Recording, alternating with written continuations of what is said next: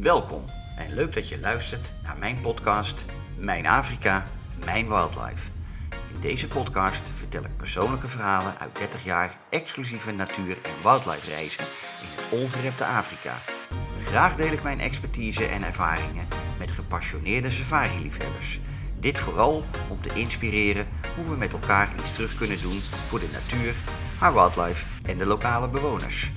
Hoe zullen we straks weer gaan reizen na corona? En hoe kun je dan een positieve impact achterlaten in de fragiele natuurgebieden op dit overweldigende continent?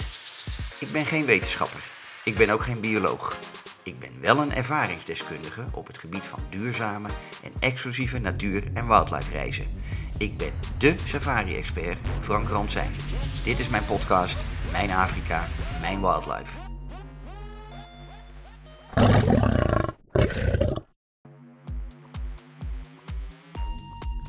Hallo allemaal en leuk dat je weer luistert naar een nieuwe aflevering van mijn podcast Mijn Afrika, Mijn Wildlife.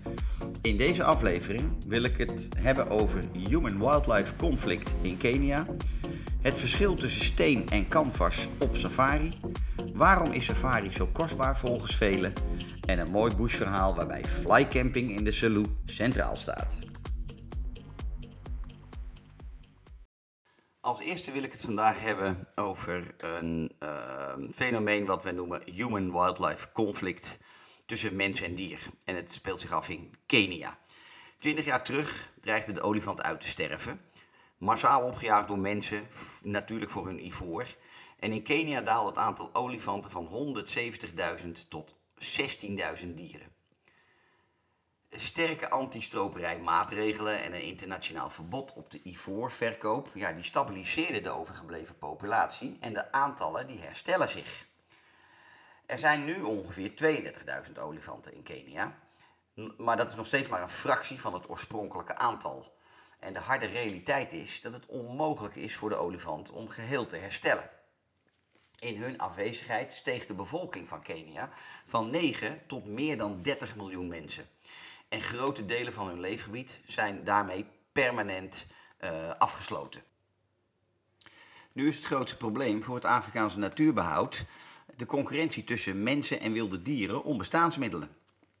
En over het algemeen gaat het goed nu met de populatie olifanten uh, in bepaalde natuurgebieden waar ze 10 tot 15 jaar niet zijn geweest. En dat is een teken dat er echt wel wat gebeurt. En grote kuddes komen nu voor in deze natuurgebieden. Uh, en daarmee worden ze ook een bedreiging voor het gebied. En vooral voor de vegetatie. Want olifanten die eten nogal veel vegetatie. En daarbij vernietigen ze veel bomen. Uh, en vroeger, toen olifanten vrij konden migreren, was dat niet zo'n probleem, omdat gebieden zich weer konden herstellen. Nu is er dus weer een ander probleem. In veel natuurgebieden in ieder geval zijn er nu meer olifanten dan het land eigenlijk kan hebben. En hun eetgewoontes vernietigen de ecologie van het land. Um, het is het eilandeffect, zoals we dat noemen. Als één soort bloeit, dan verdwijnt een andere soort. Uh, we hebben dat ook gezien met de leeuw uh, in, in bepaalde kleine reservaten, uh, waar, waar eerst gewoon heel veel zebra's waren, 1400 stuks. daar zijn er nu bijvoorbeeld nog maar 300 van. En ja, dat is echt wel een probleem. En zo gaat het ook met bomen, met bepaalde boomsoorten, die compleet vernietigd worden. En in droge periodes neemt die voedselvoorraad alleen maar af. En dan wordt het voor uh, de mensen die rondom deze uh, gebieden wonen ook een enorm groot probleem. Ik wil je graag een verhaal vertellen over een uh, oude olifant, Kimani genaamd.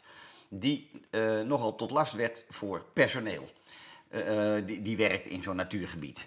Uh, Kimani is een groot oud mannetje en hij zoekt altijd naar het beste eten. Maar dat leidt hem altijd recht naar de personeelsruimte, uh, waardoor er een constant gevaar is tussen mens en dier. En uh, ondanks dat er omheining is rondom dat personeelsverblijf, blijft hij toch continu terugkeren naar dat, ja, naar dat gebied, want daar is eten te halen. En ehm, de, de elektrische hekken die eromheen staan, worden continu vernieuwd vernield, moet ik zeggen, door Kimani. En ja, dat is, uh, dat is echt een probleem. En er komt echt heel veel bij kijken om een olifant, een probleemolifant, uh, te verwijderen. Ondanks dat de hekken onder stroom staan, en eigenlijk best wel vrij veel onder stroom staan, zijn olifanten ongelooflijk intelligent en vinden ze steeds weer nieuwe tactieken om het hek opnieuw weer te slopen. Ehm, ja, en de, de natuurbeschermers willen die olifant verder natuurlijk niet, uh, die, die, gaan ze niet doodschieten. Ehm, dus ja, er moet gewoon een manier zijn om zo'n olifant te verwijderen op een bepaalde manier. En uh, wat hij doet, is, ehm, ja, hij maakt iedere keer het hek kapot, omdat hij gewoon heel slim is. En hij weet ook dat dat personeel hem elke keer weer wegjaagt, maar hij komt ook iedere keer weer terug. Het is gewoon een kat-en-muisspel, maar het is ook wel een gevaarlijk kat-en-muisspel. Nou ja, zo heeft die Kimani in zes maanden tijd ook heel veel vegetatie op het terrein van het personeel vernield. En hebben ze echt zoveel pogingen gedaan om hem te verwijderen, maar dat is gewoon, ja, het, is niet gelukt. Een olifant is een probleemoplosser. En dus die vindt iedere keer nieuwe manieren uh, ja, om toch weer binnen te komen. En ze hebben er heel lang over gedaan om uit te vinden hoe die nou toch iedere keer weer dat hek kapot kon trekken. En uh, ja, het is best een, uh, een, best een bijzonder verhaal, eerlijk gezegd. Zo heeft iedere olifant, of die nou links of rechts uh, is, een kleine haak aan een slagtand. En die dient echt voor alles. En dus wat deed Kimani, plus soortgenoten, want ze leren het elkaar. Ze zetten de haak op, het, uh, op een van de draden van het hek en trekken met die haak de, uh, het hekwerk elke keer kapot. Net zolang, ze trekken net zo lang totdat het breekt en een kortsluiting ontstaat.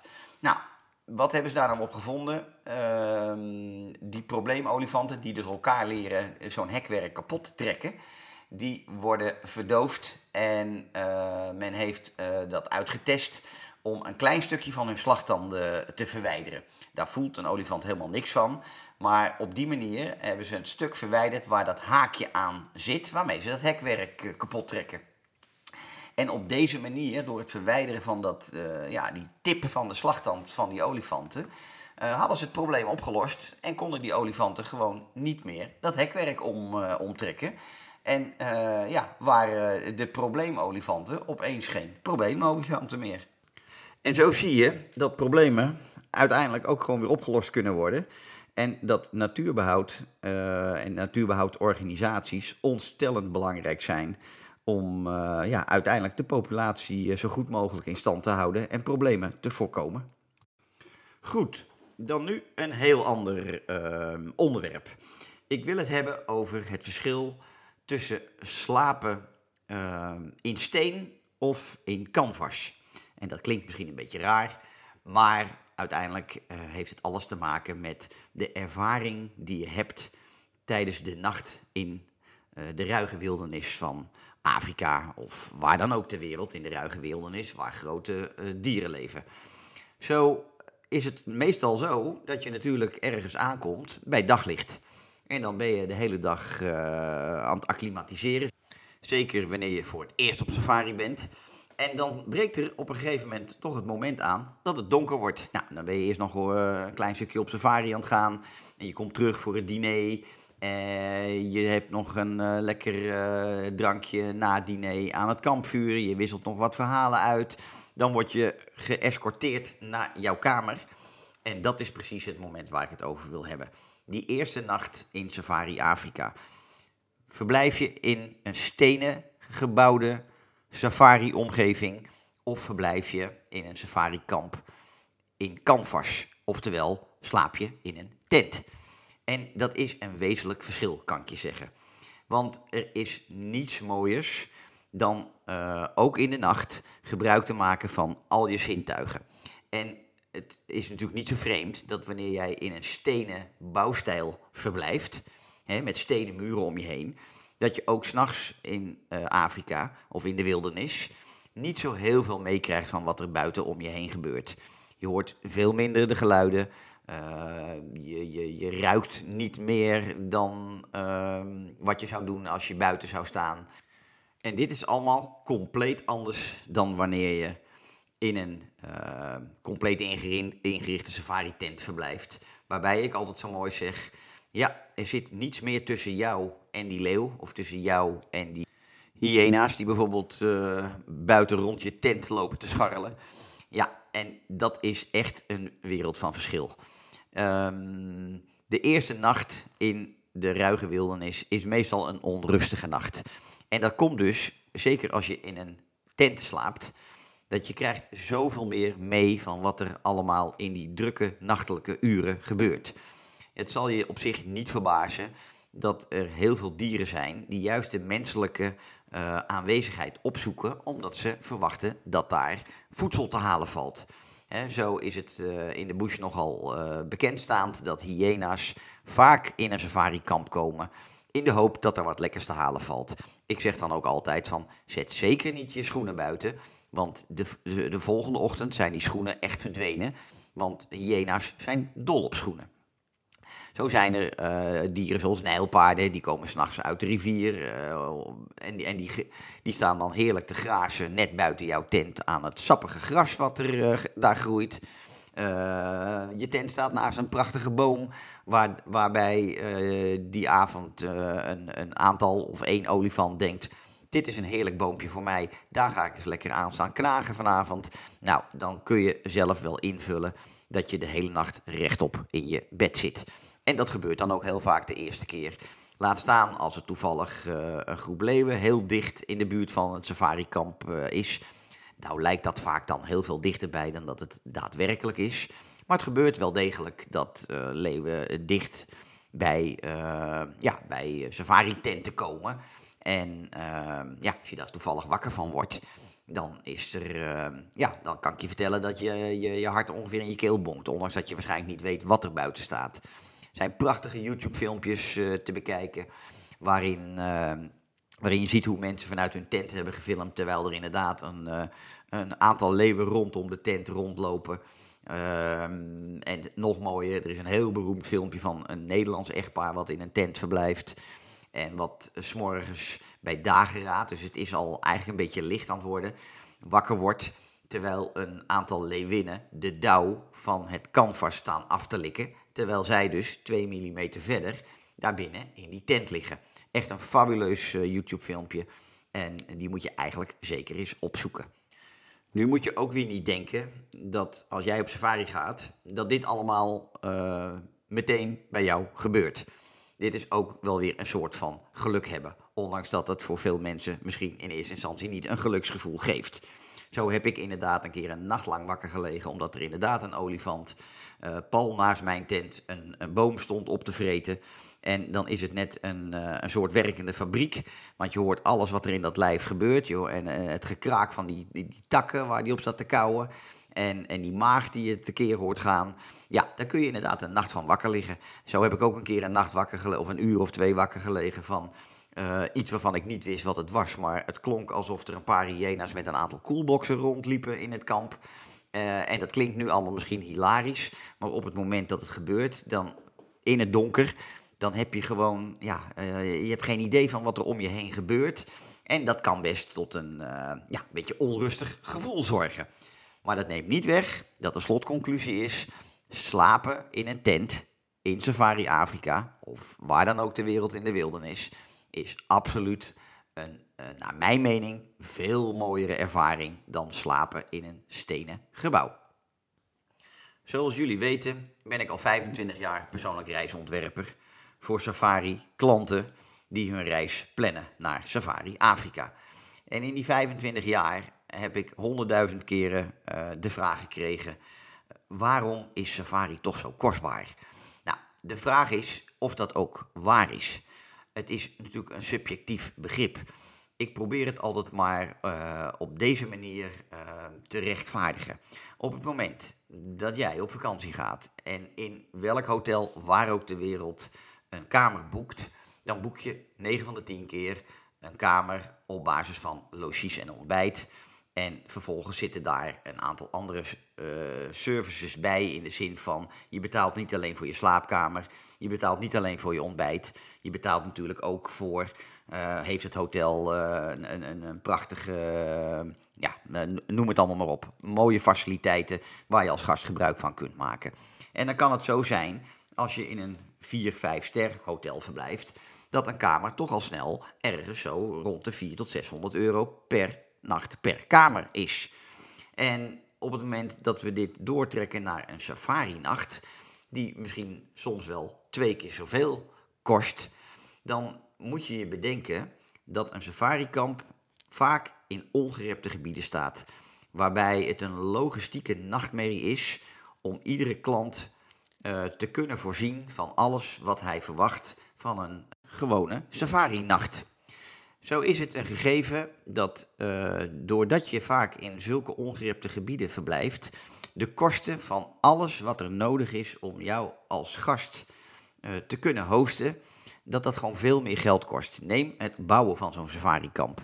Dat gebeurt allemaal um, in ruige wildernis, waardoor er ontzettend veel meer logistieke zaken bij aan te pas komen om al die materialen op zo'n plek te krijgen om zo'n safarikamp te bouwen.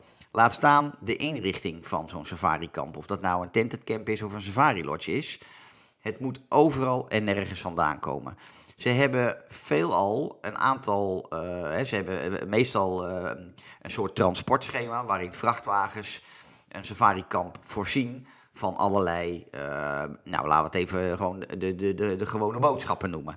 Maar dan blijft er altijd nog zoiets over als allerlei dagversproducten die overal en nergens vandaan moeten komen. Als dat niet in de buurt uh, te verkrijgen valt.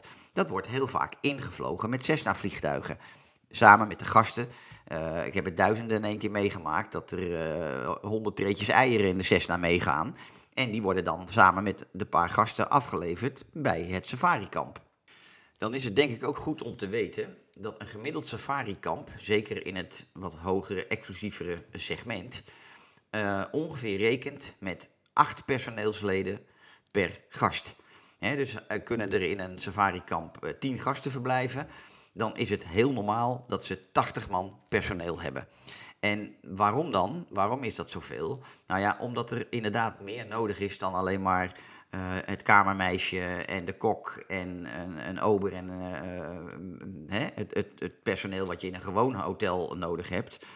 In een safarikamp is er personeel als de, de nachtbewaking, die het kamp veilig houdt voor bepaalde diersoorten. Um, dan hebben ze over het algemeen een grote workshop waarin al die voertuigen waarin ze hun gasten rondrijden onderhouden. Uh, een gemiddeld safarikamp heeft uh, zomaar drie tot zes voertuigen. En die hebben gewoon een eigen garage met personeel. Omdat die voertuigen ongelooflijk veel te lijden hebben in die ruige wildernis. Een gemodificeerd uh, voertuig voor bij voor in de bush kost snel rond de 80 tot 100.000 dollar. En heeft ontzettend veel te lijden van die ruige natuur. Dus ja, je kunt het wel invullen dat dat ook betekent dat zo'n auto uh, ietsje minder lang meegaat dan uh, ons autootje hier in de westerse wereld. Uh, dan heb je natuurlijk een aantal gidsen nodig. en dat zijn vaak ook hè, op zo'n kamp. Het kan maar zo zijn dat er wel acht verschillende gidsen rondlopen personeel die de transfers uit moeten voeren. Personeel wat uh, het, het, ja, laten we het heel even, de, nabije omgeving, het is nooit een tuin, maar laten we even zeggen, die het kamp netjes houdt qua begroeiing en, en, en dat soort zaken. En dan hebben we het nog niet eens over de kosten die er op een safari-nacht altijd bijkomen voor het betalen van je entree-kosten voor een nationaal park de conservation fees. En om je weer een idee te geven, een, een, een nationaal park eh, plus conservation fees kan zomaar oplopen van 50 tot wel 180 euro per persoon per dag. En als je daar dan nog bij optelt dat in een safarikamp, omdat je niet s'avonds even een ommetje kan lopen en op de hoek ergens wat kan gaan eten, een safari-nacht eigenlijk altijd op basis van vol pension is, dus met al je maaltijden, en in de wat exclusievere safari-kampen ook al je drankjes nog eens een keer inclusief zijn. Al je snacks, al je uh, verrassingen die een safari-kamp over het algemeen uh, voor haar klanten in petto heeft. Dan zul je begrijpen dat een gemiddelde safari-nacht uh, in, een, in, in, in een segment van 4 sterren of hoger al snel zal beginnen bij rond de 5, 6, 700 euro per persoon per nacht. Tot wel 1500 of hoger per persoon per nacht. En dat is inderdaad best heel veel geld. Dus ik kan me zeker voorstellen dat veel mensen de safari een kostbare activiteit, een kostbare vorm van reizen zullen vinden. Tot slot in deze aflevering, zoals iedere keer, een verhaaltje uit de bush. En wat je dan zoal mee kunt maken. Dit keer een verhaal over niet een heel groot dier, maar juist over hele kleine diertjes.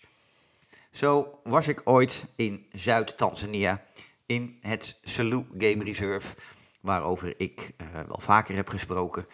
En uh, we hebben het ook zojuist gehad over het slapen in een canvas tent. Hoe bijzonder dat is. Nou, er is wat mij betreft nog een, uh, nog een meer geweldige ervaring dan dat. Dat is slapen onder de sterren van donker Afrika, zoals ik dat altijd noem. En dat kan op een zogenaamd flycamp manier. En een flycamp is inderdaad eigenlijk wat het woord al zegt, een vlieggewicht safarikamp.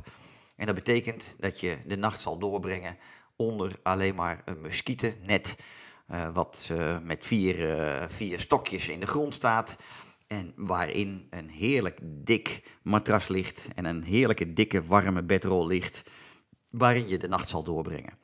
Dit zijn over het algemeen uh, altijd privéverblijven. Dus men doet dit zelden of nooit met gasten die elkaar niet kennen. Dus je doet dat met z'n tweeën als echtpaar, of je doet dat met je gezin, met kinderen, of je doet dat met drie generaties, met de hele familie. Dan kan zo'n kamp speciaal voor jou opgezet worden midden in de ruige wildernis om een nachtje onder de sterren te slapen.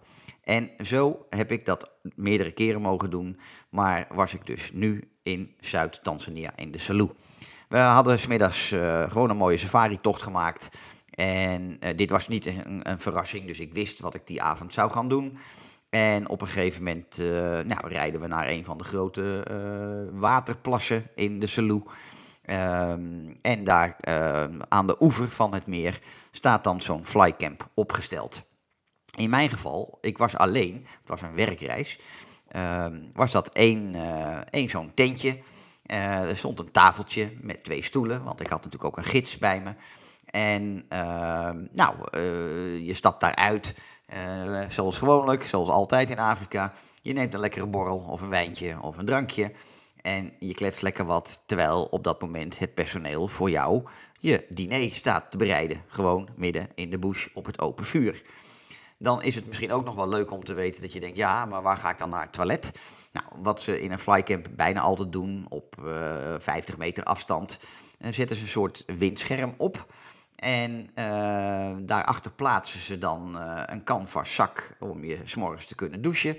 En een, ze graven een, gat in de grond, daar zetten ze een wc-pot op waar je je behoefte kunt doen.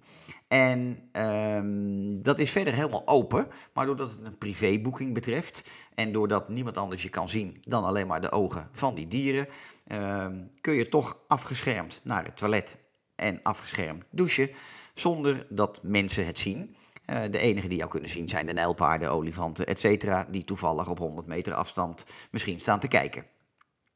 En uh, zo hadden wij lekker s'avonds gegeten, met z'n tweetjes, mooie verhalen kunnen uitwisselen. Ik vind het altijd zalig om samen met een gids te, te kunnen praten, omdat je ja, misschien vanuit mijn werk en ervaring uh, wat, wat dieper in een uh, bepaalde materie kan gaan dan uh, uh, mensen die voor het eerst op safari gaan, die, zullen het over andere dingen hebben waarschijnlijk. Dus we hebben lekker gedineerd en uh, op een gegeven moment, dat is dan best vroeg in de avond hoor, uh, na het diner nog een drankje en om een uurtje of negen was het bedtijd geblazen. Je staat ook s'morgens weer om half zes op. Dus ik duik mijn flycamp verblijf in en ehm, ja, het is, uh, heerlijk, uh, het is heerlijk slapen uh, op zo'n lekker dik matras en een heerlijk dik dekbed over je heen. En luisteren naar de, ja, de, de, de, al de geluiden uit de nacht. De nijlpaarden die vaak enorm veel herrie maken in zo'n meer. En ehm, ja, bepaalde dieren die, die je hoort praten tegen elkaar. Als zijn de alarmcalls of hè, die nou eenmaal geluid maken. Leeuwen die elkaar roepen, hyena's die naar elkaar communiceren. Uh, dat is echt fantastisch. En zo was ik dus inderdaad heerlijk snel ingeslapen. Totdat ik midden in de nacht bruut werd verstoord door een hele hoop stemmen en, en ja, uh, lawaai. Uh, dus je ontwaakt uit je slaap. En ik werd gesommeerd uit mijn flycamp te komen. Want wat bleek nou? Ik werd aangevallen door een paar miljoen safari-mieren, zoals ze ze daar noemen. Ik weet niet de exacte miersoort, maar ze noemen ze safari ants. Dus ik vertaal dat even naar safari-mieren. Dat was een hele kolonie die mijn uh, flycamp inmiddels uh, hadden omsingeld. En uh, bezig waren om ja, mijn tentje binnen te dringen. En wat me tot op de dag van vandaag nog steeds heeft verbaasd is... hoe kan het toch dat er op een of andere manier iemand is geweest van het personeel, hè, want je wordt ook gewoon s'nachts bewaakt. En de, de, de blijft, je gids blijft daar slapen, die slaapt dan een paar honderd meter verder. En het personeel hetzelfde. Uh, er is toch iemand geweest die op een of andere manier misschien gecontroleerd heeft bij mij, bij mijn tent, of alles in orde was. En dat ik dus uiteindelijk omsingeld was door een paar miljoen mieren. Nou, Uiteindelijk, ik mijn tent uit. Uh, ze waren inmiddels al bezig met geulen te graven rondom mijn uh, tentje. En die geulen werden, worden dan gevuld met uh, ja, eigenlijk materiaal uit het kampvuur. Hè, dus met ja, as en, en, en nog wat, ja, ja, wat brandend materiaal. Ehm, de, de werd met een of ander middel werden die mieren verjaagd. Uh, iets van een uh, anti-insectenspray in ieder geval. En uh, ik denk dat ik 10 minuten buiten, buiten mijn tentje heb gestaan. En na 10 minuten kreeg ik het zijn, ehm, hoe zeg je dat? Situa situatie veilig. En ik kon weer verder met slapen. Nou ja, het grappige is dat ik daar misschien ook verder helemaal niet zo bij stil heb gestaan van hoe dan, wat dan, waarom dan. Ik ben inderdaad weer in mijn tentje gaan liggen. Ik ben eigenlijk ook weer vrij snel in slaap gevallen.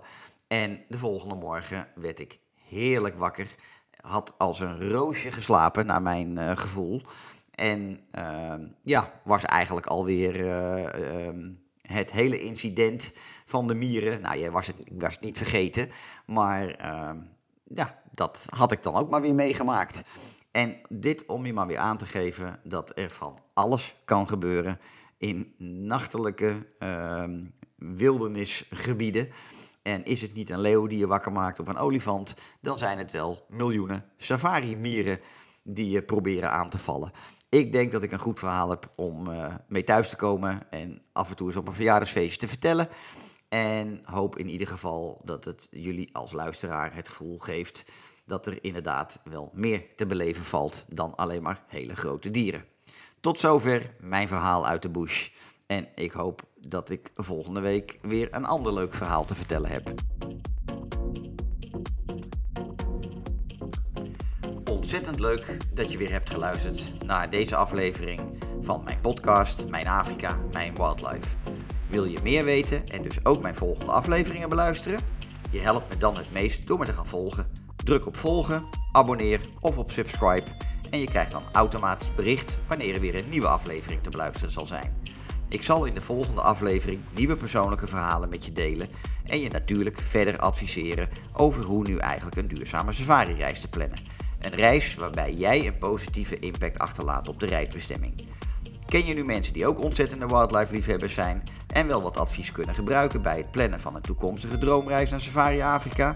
Dan zou ik het ontzettend leuk vinden als je deze podcastaflevering met hun zou willen delen of doorsturen. Er komt hoe dan ook weer een tijd dat we allemaal zullen gaan reizen. Dat we dit zullen doen met veel meer betrokkenheid bij de natuur en onze planeet, dat staat vast.